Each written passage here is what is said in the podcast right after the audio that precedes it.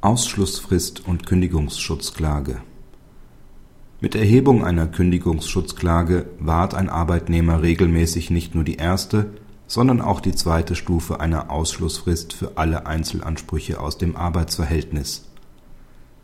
Der zwischen den Parteien geschlossene Arbeitsvertrag sieht eine zweistufige Ausschlussfrist vor nach der sämtliche Ansprüche innerhalb einer Frist von drei Monaten schriftlich geltend gemacht und innerhalb einer weiteren Frist von drei Monaten gerichtlich eingeklagt werden müssen.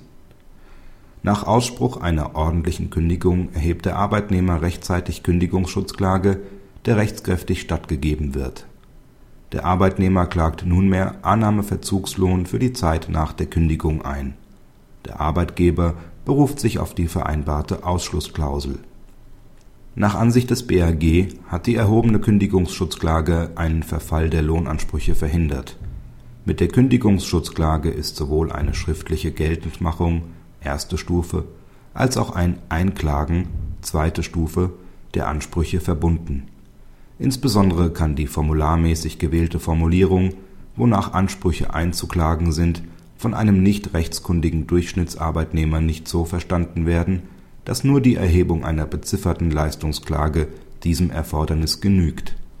Sie ist vielmehr so zu verstehen, dass jede prozessuale Auseinandersetzung über den Anspruch die entsprechende Obliegenheit erfüllt.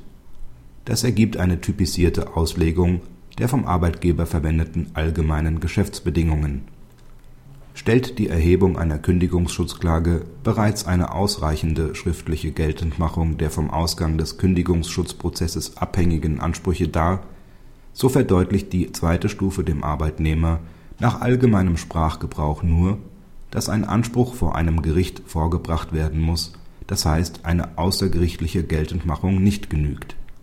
Die Kündigungsschutzklage ist in der Regel nicht auf den Erhalt des Arbeitsplatzes beschränkt sondern sie dient zugleich und gerade auch der Absicherung von Ansprüchen, die durch den Verlust der Arbeitsstelle möglicherweise verloren gehen.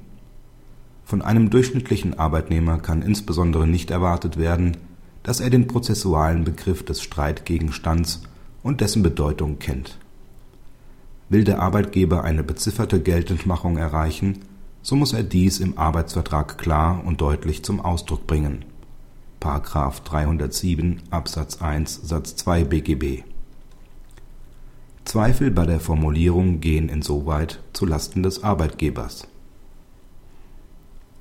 Praxishinweis Das Urteil schafft Arbeitserleichterung für alle Arbeitnehmeranwälte. Das BAG erweitert seine bisherige ständige Rechtsprechung, wonach die Erhebung einer Kündigungsschutzklage eine ausreichende Geltendmachung auch von Lohnansprüchen darstellt, nunmehr auch auf zweistufige Ausschlussfristen. Dabei ist es gleichgültig, ob mit der zweiten Stufe ein Einklagen, eine gerichtliche Geltendmachung oder eine klageweise Geltendmachung von Ansprüchen verlangt wird. In sämtlichen Fällen werden mit einer rechtzeitigen Kündigungsschutzklage entsprechende Ansprüche auf Annahmeverzugslohn gewahrt. Das ist letztlich zu begrüßen weil unnötiger Formalismus im Kündigungsschutzprozess vermieden wird